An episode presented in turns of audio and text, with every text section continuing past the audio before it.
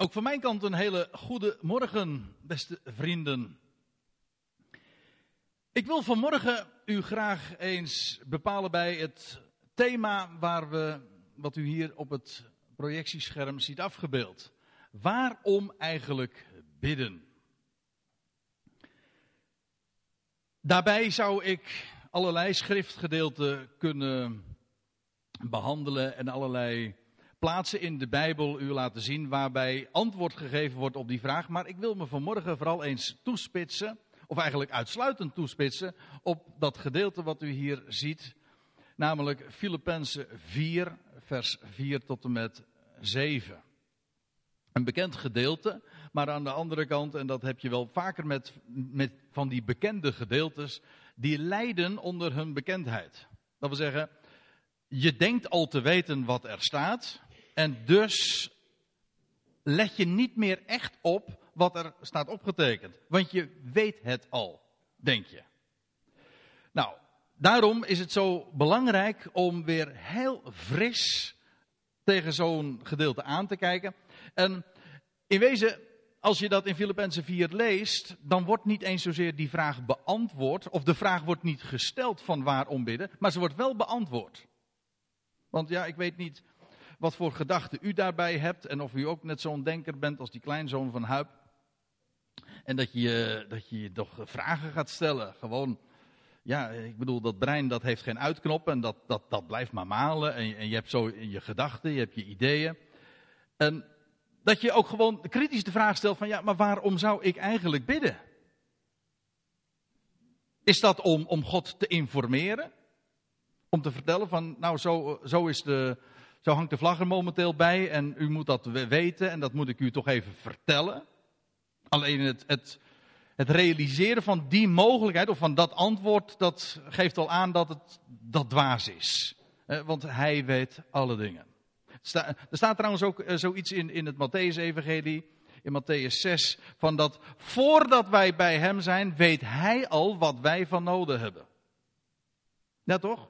Dus we hoeven niet hem we hoeven niet te, gaan bidden, hem aan te spreken om hem te vertellen wat de situatie is of om hem informatie te verschaffen. Want hij weet, hij kent de details door en door. Al onze haren zijn geteld. Dus dat kan geen antwoord zijn.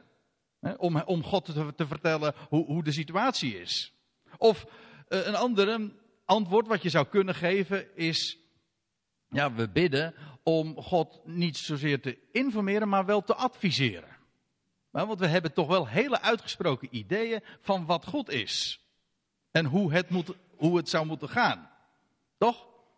Het, het, kan niet schelen wat voor situatie je je bevindt, maar je hebt altijd wel een hele uitgesproken idee waarvan je weet van als het zo gaat, dan is het helemaal top. En ja, waarom bidden we? Nou, om God dat toch vooral eens te laten overwegen, zodat hij luistert naar ons advies. Want wij hebben toch wel hele wijze adviezen. Maar terwijl we ook deze optie overwegen, of benoemen, zie je eigenlijk ook tegelijkertijd de dwaasheid daarvan, want wat voor God heb je dan?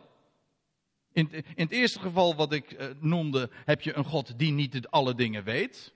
Een God die je moet informeren, die weet niet alle dingen. Die is niet alwetend. Maar is hij dan nog God? Maar een God die niet zou weten wat het beste is, dat is geen almachtige God. Dat is niet de alwijze God. Dat is niet de God die we in de Bijbel tegenkomen.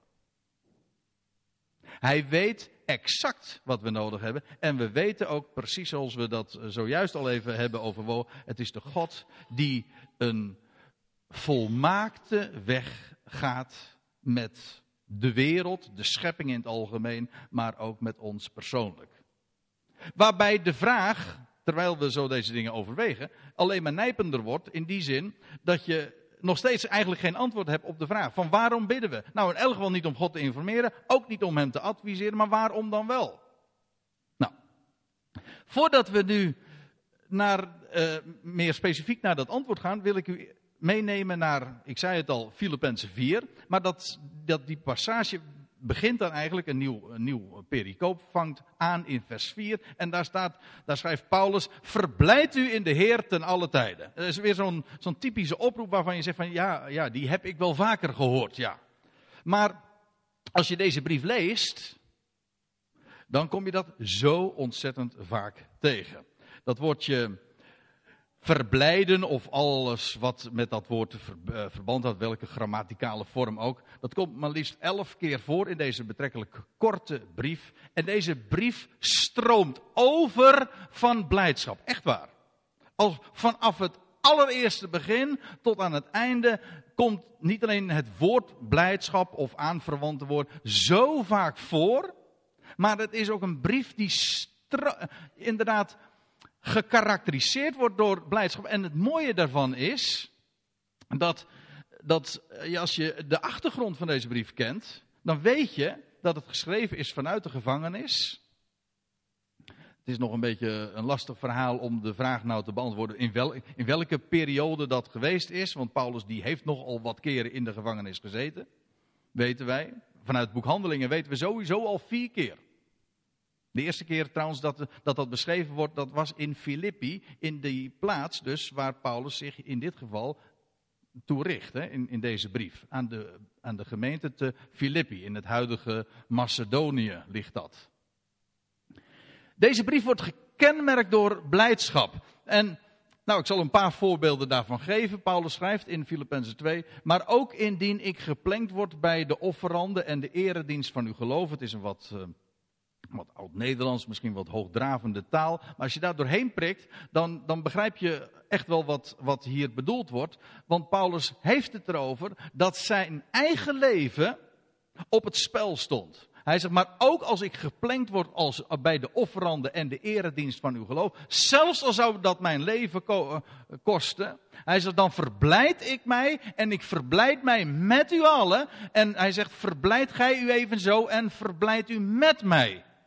Zo, in één zin, zo vier keer blijdschap, vreugde. Een man die zoveel aan zijn hoofd had hangen, zoveel reden had tot zorg. Bovendien iemand in de meest benarde omstandigheden. En een man die tegelijkertijd zo overliep van blijdschap, zo zelfs niet dat hij anderen aanspoort om zich te verblijden. En dan stel je je toch de vraag: wat is het geheim van die man geweest? Niet waar? Nou, uh, als je even verder leest in hoofdstuk 3. Inmiddels heb ik een paar keer nog weer overgeslagen. Maar in hoofdstuk 3, vers 1, daar schrijft Paulus: Overigens, mijn broeders, verblijd u in de Heer. Hetzelfde aan u te schrijven is voor mij niet verdrietig en voor u is het veilig. Dat wil zeggen, Paulus viel in herhaling om dat iedere keer te schrijven, maar hij excuseert zich. Hij zegt nou, hij zegt voor mij is het niet verdrietig, om juist daarop te wijzen. Er is niets wat zo belangrijk is als juist je, je bronnen te vinden in Hem. En daar je blijdschap aan te ontleden. Ik bedoel, er is genoeg in het, de wereld, in uw leven net zo goed als in de mijne, wat je, wat je zou kunnen deprimeren, te neerdrukken. Dat is alles wat in deze wereld plaatsvindt, dat, dat zakt naar beneden, toch? Ja, ik bedoel, ik heb het niet alleen over de, de, de, de zwaartekracht hoor. Maar hoe was het voor, vanmorgen? Hadden we het er nog eventjes over. Als je ouder wordt, dan gaat alles. Uh, hoe, was, was het ook weer, Peter? Oh, zo was die, ja. ja. Alles gaat zakken behalve je tandvlees, ja. Ja, hoe kom ik daar nou op? Nou, ik bedoel, oh, het ging erover juist dat alles in deze wereld zo te, neerderen. Alles inderdaad zakt. Het is een, een neerwaartse beweging. En juist dan heb je het zo nodig. Om de ogen precies te richten. Daar waar een mens ook voor gemaakt is. Wat je ook tot mens maakt. Ik moet er ineens aan denken. Kan niet helpen. Maar het, het, het woord voor mens in het Grieks, dat is anthropos. Maar anthropos betekent letterlijk als je het ontleedt. In het Grieks betekent dat een, iemand die zich omhoog keert te kijken. Zo moet ik het zeggen. Een, een, eh, een, een, omhoog, een omhoog gekeerd kijker. dus dat is dit. Je, je, dit is misschien de, de, de, de wijze waarop de mens meestal kijkt. In, in, in een wat positiever geval kijkt hij nog zo om zich heen. Maar de, wat je echt tot mens maakt, is dat je dit doet omhoog keert. te kijken. Eh, Dat je je, je hoofd opheft naar boven. Dat is wat je mens maakt. Als ik u nou nog een tip mag geven, vergeet dat nooit. Over dat, dat woordje antropos. Want er wordt heel veel over de antropos en antropologie en antroposofie enzovoort eh, gesproken. Maar antropos betekent iemand die omhoog kijkt. Dat is, dat is de richting waarin een mens, wat waarin een mens kijkt, wat hem ook werkelijk tot mens maakt. Nou, Paulus die schrijft maar voortdurend. En hij, nogmaals, hij excuseert zich voor de herhaling. Hij zegt maar, voor, hij zegt, voor mij is het niet verdrietig. Juist om telkens weer bij de vreugde bepaald te worden. Maar hij zegt, en bovendien, het is voor u net zo. Namelijk veilig. Verblijdt u in die Heer te alle tijden. Nou moet ik erbij zeggen dat dat eh, ook weer niet vanuit de, de, de traditie zo ons is bijgebracht. Dat geldt altijd, dat is alles hè.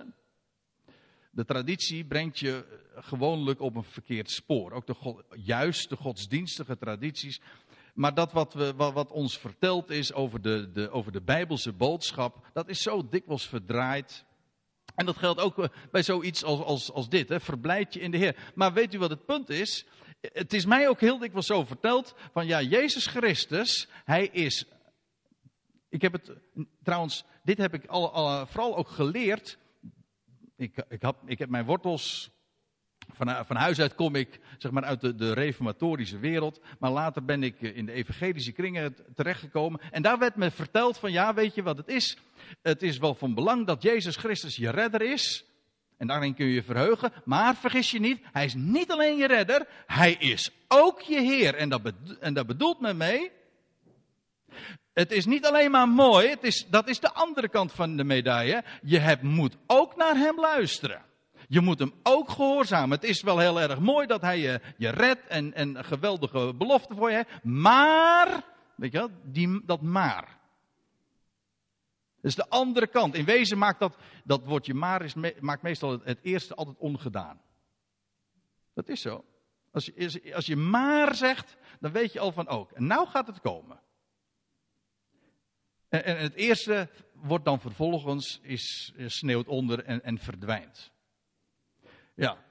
Jezus Christus is, is redder, jawel, maar hij is ook je Heer. Maar zo maak je een karikatuur van de Bijbelse boodschap. Weet u waarom? Omdat juist het feit dat hij Heer is, is niet een maar, is niet de, de schaduwzijde, is niet de andere kant van de medaille. Nee, het is juist een bron van vreugde. Iets waar je blijdschap aan onttrekt en ontleent. Vandaar ook dat Paulus iedere keer zegt, ja, dat, is, dat kun je wel vergeten, dat is, helemaal, dat is niet een, een, een, bedroefd eh, gezicht. Nee, het is juist een bron van vreugde. Ja, als je goed naar de achtergrond kijkt, ziet u het nog. Hè? Oh, let maar eens op. Hoe Paulus, ik, ik eh, beperk me nu eventjes voor een paar voorbeelden alleen maar tot deze ene brief waar we het vanmorgen over hebben. Maar dat als Paulus spreekt over de Heer, dat dat altijd een bron is van vreugde. Niet een schaduwzijde, niet die nare andere kant van de medaille. Nee, iets waaraan we juist zoveel vreugde ontlenen. Dat moet je leren. Ja, ook dat is een kwestie van ook omdenken. Ons, ons te ontdoen van dat wat ons altijd verteld is over de Bijbel en waarbij altijd weer een sluier gelegd wordt onder, de werkelijke, onder het werkelijke goede bericht, het goede nieuws, werkelijk evangelie.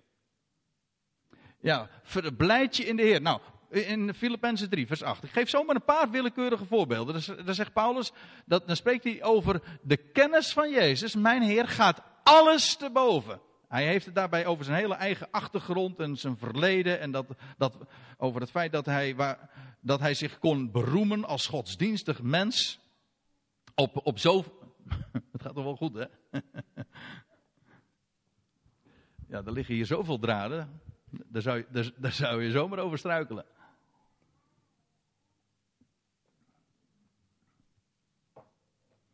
Over alles waar Paulus zich op, op beroemde ooit in het verleden. Het, over het feit dat hij een fariseer was en dat hij, dat hij naar de ijver zoveel gepresseerd dat hij had het verder in het Jodendom gebracht dan vele van zijn volksgenoten. Enfin, hij noemt dat allemaal op. En hij zegt, en ik heb het nu, ik heb het allemaal voor vuilnis en drek geacht. Uh, leren verstaan. Hij zegt, want hij zegt, ik ga nou maar voor één ding in het leven. Hij zegt, en dat is Hem te kennen. Jezus, mijn Heer. De kennen, het kennen van Hem gaat alles te boven. Ik bedoel dit ook aan te geven als voorbeeld van, hij spreekt over de Heer, maar dat is een bron van blijdschap. Niet iets wat een domper is op de vreugde, niet die schaduwzijde in tegendeel. Filippenzen 4 vers 13, daar schrijft Paulus, ik vermag, ja dat, dat kun je mooi zingen, maar wat zegt hij? Hij zegt, ik vermag alle dingen in hem, dan heeft hij het over de Heer. Ik vermag alle dingen in hem die mij kracht geeft. Dat wil zeggen, ik ben krachtig, ik ben, dat, ik vermag, oh, oh, oh. ik vermag, dat wil zeggen, letterlijk staat er, ik ben sterk, te midden van alle omstandigheden, en daar kan wat op je afkomen, te midden van al die omstandigheden ben ik sterk. Hoezo? Dat lijkt een beetje uh, Chaka-verhaal van Emiel Radelband. Ik vermag alles. Jawel. Maar eh, wat eh, Ratelband je er niet bij vertelt, hij vertelt je een heleboel trouwens niet bij, maar hij vertelt je ook niet erbij uh, dat Paulus dan zegt, ik vermag alles in hem die mij kracht geeft. Letterlijk staat er, die mij daartoe in staat stelt. Die mij de competentie geeft, die mij capabel daarvoor maakt. Het kennen van hem geeft kracht, een zodanige kracht, dat ik opgewassen ben tegen de omstandigheden van het leven. En dan heeft hij, kijk het maar na in het verband, dan heeft hij het over rijkdom. Maar hij zegt, ik weet net zo goed wat het is om armoede te hebben. Hij zegt, en gebrek te lijden. Hij zegt, maar ik vermag alles. Dat wil zeggen, ik ben sterk in al die situatie. Het is de, het kennen van Hem die mij daartoe capabel maakt die mij daar kracht voor geeft, staat dan in de MBG-vertaling. Hoofdstuk 3, vers 20. Hij zegt, daar spreekt hij over de verwachting. De, de verwachting van de Heer uit de hemel. Wij verwachten Hem uit de, hemel, uit de hemelen. Want Hij is nu nog steeds daar achter het voorhangsel, ontrokken aan het oog. Maar Hij komt, TZT, uit het hemels heiligdom, uit de hemelen. En dan gaat er een heleboel gebeuren. Het eerste wat er gaat gebeuren is dat ook ons vernederd lichaam zal worden veranderd. Letterlijk staat er getransformeerd, zodanig dat het gelijkvormig zal zijn aan het lichaam van zijn heerlijkheid. Staat er allemaal bij. Ik, ik noem zomaar wat voorbeelden waar Paulus spreekt over de Heer. En telkens kun je er weer iets bij noteren van allemaal, allemaal redenen om dankbaar te worden, allemaal redenen om blij te worden. Die dingen je te realiseren. Want ja, hoe gaat dat? Hoe kun je je in iets verheugen? Hoe, hoe doet een mens dat? Ja, ik bedoel, mijn, uh, mijn kinderen die zijn uh, uh, een paar dagen naar, naar Frankrijk geweest, naar, Disneyland. Nou, daar hebben ze dagenlang, hebben ze, verheugen ze zich daarop. Hoe gaat dat in zijn werk? Ik hoef trouwens niet eens te zeggen, verheug je erin. Want dat gaat namelijk allemaal vanzelf. Ze, je weten, en ze, je, daar denken ze aan. Ze praten daar voortdurend over. Hoe zou dat zijn? Hoe zou dat zijn? En, en al ben je er nooit geweest. Dan kun je er nog in verheugen, want je hebt er allemaal verhalen over gehoord. En je verheugt je, je denkt eraan, je gedachtenwereld vult het en je stelt het je allemaal levensgroot voor. Kijk, dat is je er in, in, in iets verheugen. Wel, je in de Heer verheugen betekent dat je dat je, je realiseert wat het betekent dat Hij Heer is. En dat blijkt dus, allemaal, blijken allemaal redenen zijn om je te verblijden. Alles wat Hij als Heer is, is een bron van vreugde. Niet een domper. Want het feit dat hij onze Heer is, betekent niet van wij moeten naar hem luisteren. Eh, nee, als je het zo zegt, dan ken je volgens mij de Heer nog niet eens hoor. Sorry. Nee, als hij, eh, als, dat hij onze Heer is, betekent dat we voor zijn rekening zijn. Hij is onze Heer, dat wil zeggen, hij beheert ons. We zijn We zijn van Hem, Hij zorgt voor ons, Hij geeft voor ons en wij mogen naar Hem luisteren. Hij wijst ons ook nog eens de weg. Kortom, we zijn helemaal van we zijn Zijn eigendom en voor Zijn rekening. Dat is, een, dat is niet een domper, dat is een reden te meer om je te verblijden. Kijk, en dat bedoel ik u nu ook aan, aan te geven. Kijk, als Paulus zegt van verblijd je in de Heer ten alle tijden, kan dat dan altijd je verblijden? Ja, want die Heer die blijft namelijk altijd hetzelfde. En hij blijft altijd in zijn rijkdom jouw Heer. En hij geeft je wat je nodig hebt. Nou, ik lees nog eventjes. Oh, dat is ook een mooie trouwens hoor. Om je in de Heer te verblijden. Als er zoveel mensen zijn. Juist van de week had ik daar nog weer een heel gesprek over. Uh, dat, dat ging erover. Ja, de, het verdriet wat je kunt hebben. Van, van ja, als je zelf de Heer Jezus Christus mag kennen. En en het verdriet dat, dat mensen om je heen, mensen die je lief zijn en dierbaar, familieleden, en hem niet kennen. En nou ja, wat is er altijd ons verteld? Ja, dat, dat loopt heel slecht af. Want als je hem niet kent, dan zal je naar de hel gaan. U weet het, hè? Twee wegen. En de ene weg gaat naar de hemel en de andere gaat naar de hel. En als je daar op die weg terechtkomt, dan komt het never nooit meer goed.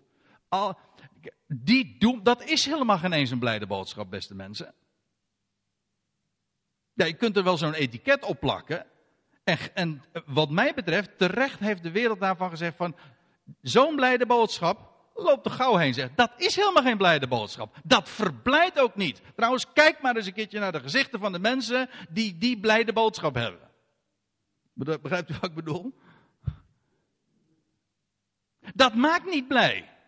Het beste bewijs dat het inderdaad geen blijde boodschap is. Want het kenmerk van een blijde boodschap is, is dat het je verblijdt. Op het moment dat je, ja als je er niet aan denkt, ja dan maakt het je niet blij. Dat begrijp ik ook wel. Maar op het moment dat je die boodschap tot je neemt, als het een blijde boodschap is, zal het je blij maken. Kan niet missen. Dat is niet omdat jij zo je best doet daarvoor. Dat kan helemaal niet, want dat is een van de dingen die je nooit kunt bereiken bij jezelf blijdschap creëren. Dat kan, dat kan je helemaal niet. Je kan jezelf niet blij maken. Nee, die boodschap is een blijde boodschap. Om, waarom? Omdat ze de potentie, de kracht, alles in zich heeft. Dat degene die er naar luistert, die het gewoon hoort, die het, die tot zich neemt, die wordt blij. Het is een, blij, een boodschap die blij maakt. Nou, het geweldige van de blijde boodschap is dat er een moment komt dat ook degenen die nu hem nog niet als Heer erkennen, en laten we wel wezen, het is nog maar een, het is, het is een piepklein aantal mensen nu nog verhoudingsgewijs die hem kent. Die hem werkelijk kent. Nee, ik heb het nog niet eens over mensen die naar de kerk gaan. Nee, ik heb het over mensen die hem kennen. Die hem werkelijk kennen. Ja, maar er komt een moment dat, de, dat wat wij nu al mogen beleiden, ik ga er nu even gemaksverhalve vanuit dat we hier als gelovigen onder elkaar zijn. Dat wat wij nu al kennen, namelijk en hem erkennen als Heer, er komt een moment dat alle tong dat gaat beleiden. Nee, niet, dat is geen lippendienst. Dat is niet de lip, dat is niet, dat zijn niet de, dat is niet de buitenkant. Dat is de, de tong, dat is wat er binnen zit. Lippendienst in de Bijbel is altijd de buitenkant kan met je lippen zoveel doen. Maar de tong heeft te maken met, met dat wat van binnenuit komt. Tot eer van God de Vader staat er dan nog bij. Alle tong gaat beleiden dat Hij Heer is. Nou, is dat geweldig of niet? al die mensen waar je je misschien nu nog zorgen over maakt van, goh, hoe gaat het aflopen? Hoef je helemaal geen zorgen over te maken, want één ding weet ik zeker. Er komt een moment dat diegene wie jij lief hebt, dat hij of zij de knieën gaat buigen van harte en met de tong zal beleiden. Hij is Heer tot eer van God de Vader. En zo wordt hij ook alles in al zijn schepselen. Kijk, alleen al het overdenken van zomaar vier van die betrekkelijk willekeurige voorbeelden in deze ene brief, waarbij Paulus spreekt over de Heer, dat zijn allemaal antwoorden op de vraag hoe je je kunt verblijden in de Heer. Nou, Paulus zegt er dan nog bij, wederom zal ik zeggen, verblijd u. Ik heb er een plaatje bij gedaan, maar dat is een plaatje van, ja, wat zou dat zijn? Ja, dat ze in de gevangenis zitten, precies. Het is niet een al te helder plaatje. Uh, de foto was uh, niet zo goed genomen, maakt waarschijnlijk. Maar de, van Paulus en Silas, de eerste keer, ik, ik, ik refereerde daar zojuist al even aan, dat Paulus en Silas in de gevangenis verbleven. In Handelingen 16 lees je dat. Ze waren eerst waren ze zo afgewezen. Kijk het maar eens na in dat hoofdstuk. Dan lees je vervolgens dat ze nog uh, geslagen worden, gemarteld worden. Dan worden ze vervolgens in de kerker gegooid. Hun kleren werden afgerukt, daar werd er ook nog bij gezegd. En dan vervolgens, na alles wat ze al hadden meegemaakt daar in Filippi. Dat is ongeveer tien jaar voordat Paulus deze brief geschreven heeft. Ook weer opnieuw in de gevangenis trouwens. Hè? Maar dat die dan vervolgens worden de voeten, je ziet het hier nog, in het blok gezet. Dat wil zeggen, worden, ze konden geen kant op. Uh, zo goed als ontkleed. En, daar, dan, en dan lees je, en, en het geschiedde dat zij te middernacht liederen zongen tot Gods lof. Hoe, zoiets staat er. Te midden, terwijl het dus pikken donker is, waren het Paulus en Silas die midden in de nacht liederen zongen. En daar, staat, lees je nog bij van en de, de, gevangenen die daar ook in dat, in dat huis waren, die, die hoorden dat toe. Nou, toen ging er nog van alles gebeuren. Maar wat ik zo mooi vind, is dat Paulus ook hier weer zo, zo demonstreert wat het betekent om je ten alle tijden te verblijden. Terwijl de omstandigheden daar compleet niet naar zijn. Midden in de nacht, pikken donker, maar het was licht in het hart en het leven van deze twee mannen. Wederom zal ik zeggen, verblijd u. Ik bedoel, het is, dit, dit, komt maar niet zomaar uit de hemel uh, rollen. Nee, dit, is, dit, is, dit, is, dit zijn woorden van, van een ervaringsdeskundige, zal ik maar zeggen. Niet omdat, dan moet je niet zeggen van, ja, wat een geweldige vent was die Paulus, hè? Dat hij dat allemaal kon. Nee, daar gaat het niet om. Uh, Paulus was niet die geweldige vent. Hij had een geweldige Heer. Dat is het geheim. Hij had een geweldige Heer en het, hij had een geweldige boodschap. Die maakt zo blij. En daarom zegt hij voortdurend, wederom zal ik zeggen, verblijd u. En dan zegt hij, voegt hij eraan toe, um, uw vriendelijkheid zij alle mensen bekend. Als u een staten, nee, als u een Telos-vertaling hebt, of de voorhoevenvertaling, dan, dan ziet u uw vriendelijkheid uh, nee, er staat uw inschikkelijkheid zij alle mensen bekend. Dat is een veel beter woord, want het woordje vriendelijkheid is, dat is namelijk weer een ander Grieks woord. Het, is, het zit er dichtbij, maar vriendelijkheid heeft vooral te maken met een eigenschap die je hebt ten opzichte van andere mensen. Inschikkelijkheid is een, is een eigenschap die je niet alleen hebt ten opzichte van mensen, maar ook ten opzichte van omstandigheden. Het woord inschikkelijk is, is net even anders. Blijkt ook wel, want dat woord komt bijvoorbeeld ook voor in Handelingen 24. En daar wordt het in de MBG-vertaling weer weergegeven met welwillendheid. Ja, dat is dus, eh, men heeft dat niet consequent weergegeven en dan krijg je nooit een goed idee van zo'n woord. Maar er staat dus eigenlijk niet uw vriendelijkheid, zij alle mensen bekend, maar uw inschikkelijkheid, zij alle mensen bekend. En inschikkelijkheid, dat is een eigenschap waarbij je. Ja, wat is inschikkelijk? Ja, er zit het woordje schik in, maar dat is alleen maar in het Nederlands het geval. Maar het is wel een leuke bijkomstigheid. Nee, sorry? Ja, inschikkelijkheid heeft te maken met aanpassen, het vermogen je te kunnen aanpassen, flexibel zijn. Inschikkelijkheid komt juist dan van pas wanneer, wanneer je onder druk komt. Hè? Wanneer er je weinig ruimte hebt. Stel je voor, je zit, in, je zit eh, met, met zes, zeven man in, in een bank. Hè? Eh, op een kerkbank, eh, zal ik maar zeggen. Dan kom je al gauw onder druk. Hè? Maar ik bedoel, dan, komen, dan komt er nog iemand bij. En ja, dan moet je wat krappen. Dan vraag je van, wilt u zich eventjes inschikken of wilt u zich even schikken? En dan, moet je, dan kom je wat meer onder druk. Nou, inschikkelijkheid, dat is het vermogen om je gewoon te schikken. Om, in de omstandigheden. En Paulus zegt van, nou laat dat nou een eigenschap zijn die aan alle mensen bekend is. Niet een eigenschap waarbij je, het staat dus eigenlijk tegenover het staan op je rechten. Eigenlijk staat het ook tegenover uh, mopperen. altijd maar klagen. Iemand die klaagt, die schikt zich niet. Ja, ze zeggen wel van nou, ik moet, ik moet me erbij neerleggen. Maar dat is geen inschikkelijkheid. Want uh, dat geldt voor zoveel dingen. Uiteindelijk moet je je er toch bij neerleggen. Maar het gaat, inschikkelijkheid heeft te maken met hoe je het doet. Want er zijn een heleboel dingen waar je, die je gewoon als een voldongen feit hebt aan te nemen. In het leven. Die overkomen je, dat is geen keuze. Inschikkelijkheid is het vermogen, is, is, dat is een eigenschap van binnenuit dat je je aanpast. Flexibel.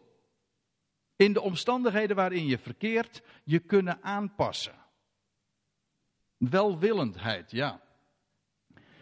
Maar hoe kan dat dan? Nou, Paulus had, het er al, had daar eigenlijk al de, de reden voor gegeven. Hij zegt van, vlak hieraan voorafgaand had hij geschreven, verblijd je in hem, in hem die jouw Heer is. Wel, als hij jouw Heer is, je bent voor zijn rekening en hij gaat zijn weg met jou. En zijn weg is niet alleen, heeft niet alleen maar de beste uitkomst, maar bovendien ook is het de beste route naar het doel. Dan betekent dat dus dat ik reden heb om mij aan hem over te geven. Dat ik me geen zorgen hoef te maken, maar wat zeg ik? Uh, die, Heer die is namelijk altijd nabij. Hij is niet ver weg, hij is nabij. En dan vervolgens, die dingen grijpen allemaal erg in elkaar. Want nu zegt hij, wees in geen ding dus bezorgd. Ik zeg nu dus erbij, want feitelijk volgt het al uit het voorgaande. Als je reden hebt om je altijd te verblijden in de Heer, voor wiens rekening wij zijn, dan kun je je aanpassen in de omstandigheden van het leven en dan hoef je ook in geen ding bezorgd te zijn. Ja, wat zeg ik hier? Ja, ik kan, zo, ik kan zomaar een paar, eh, met, met, gemak een heel aantal mensen hier nu naar voren halen. Dat zou misschien wel boeiend zijn. Hè? Weer wat anders. En, en, dan, en, dan, en dan te vragen: Heb jij reden om je zorgen te maken? Hè? Ja, ik zie, ik zie zo een heleboel mensen nu ineens knikken. Ja, ik, kan, ik heb een heleboel redenen. En dan kun je gaan, gaan denken over, over, je, over het werk. Als je, als je het hebt trouwens. Hè, want dat is ook nog allemaal niet vanzelfsprekend. Zij de gek? Hm? Maar. Of, uh, of over, over, het, over de omstandigheden thuis. Of over je gezondheid. Of over uh, de relaties. Of, nou, het kan niet schelen. Er zijn zoveel onderwerpen die je hart te neer kunnen drukken. Je bent bang voor wat er gaat gebeuren. Dat is eigenlijk wat bezorgdheid ook is. Hè? Wees in geen ding bezorgd. Maar hoezo? Neemt Paulus, legt hij hier een last op? Zo van, je mag niet bezorgd zijn? Nee, natuurlijk niet. Het gaat er niet om dat je niet bezorgd mag zijn. Het gaat erom dat hij zegt, je hebt geen reden om bezorgd te zijn. Waarom niet? Dat klinkt goedkoop. Maar het antwoord is heel simpel. En we zijn, ik vraag mij af, of we bereid zijn om echt de consequentie van die waarheid te aanvaarden. Kijk, Petrus zegt, u kent misschien dat vers wel in 1 Petrus 5 vers 7, daar staat, werpt al uw bekommernis, dat wil zeggen alles wat je bekommert, op hem, want hij zorgt voor u. Nou, wat Paulus hier in Filippenzen 4 zegt, gaat nog veel verder trouwens hoor. Maar dat laatste is natuurlijk wel precies het antwoord waarom hij dit kan zeggen. Waarom niet bezorgd? Het gaat er niet om dat het niet mag. Het punt is dat Paulus hiermee aangeeft: er wordt voor je gezorgd. Dat wil zeggen, hij geeft je alles wat nodig is. Wat jij behoeft. Waarvan hij weet dat jij dat nodig hebt. Zeg dat nog eens een keer, André. Graag. Want dit is de clue. Hij weet wat wij nodig hebben. En hij zorgt voor ons. En omdat dat de waarheid is, hoeven we dus niet bezorgd te zijn in geen ding. Dat is heel heftig hoor, wat ik nu zeg. Dat is wel de waarheid. Als het waar is dat Hij voor ons zorgt, dan is dit net zo waar. En hoe meer ik mij realiseer dat Hij inderdaad voor mij zorgt en daar ook gewoon blind op ga, Daar kom je namelijk nooit bedrogen mee uit. Met je bezorgdheid kom je altijd bedrogen mee uit. Echt waar. Zelfs naar de mens gesproken, ik bedoel, los van het feit dat hij voor ons zorgt, dan weet ik nog dat het waar is dat, je nooit, dat, dat zorgen maken nooit iets oplevert. Toch? Het was uh, ene meneer Van der Valk, weet u wel, van dat, uh, hij is vorig jaar geloof ik overleden. Die zei van, ik maak me nooit zorgen. Gerrit van der Valk heette die, van dat restaurantketen. En die, schreef, die zei van, ik maak me nooit zorgen. Hij zei, want het loopt toch anders. Zo, iets, iets soortgelijks had de Heer Jezus trouwens ook al in de bergreden gezegd van, want jij weet helemaal niet wat, voor, wat de dag van morgen gaat brengen. Kun je een L kun je ook maar iets toevoegen aan je leven door bezorgd te zijn. Dat wil zeggen, voegt bezorgdheid ook maar iets toe aan je leven. Dat je zegt van nou, ik ben blij dat ik me toen zorgen heb gemaakt. Dat ik er toen wakker van heb gelegen. Dat is een hele goede zaak geweest. Dat ik daar zo mee in de weer heb gezet. Nee, altijd zeg je achteraf, nou, dat is, ik, ik ben bezorgd geweest, maar het had niet nodig geweest. Het heeft me heel veel tijd, heel veel energie vooral ook gekost. Wees in geen ding bezorgd. Ja, want hij zorgt voor u. Maar wat dan wel? Um, laten bij alles uw wensen door gebed en smeking met dankzegging bekend worden bij God. Uw wensen. Dat is wel mooi dat Paulus dat zo zegt. Hij zegt dus niet,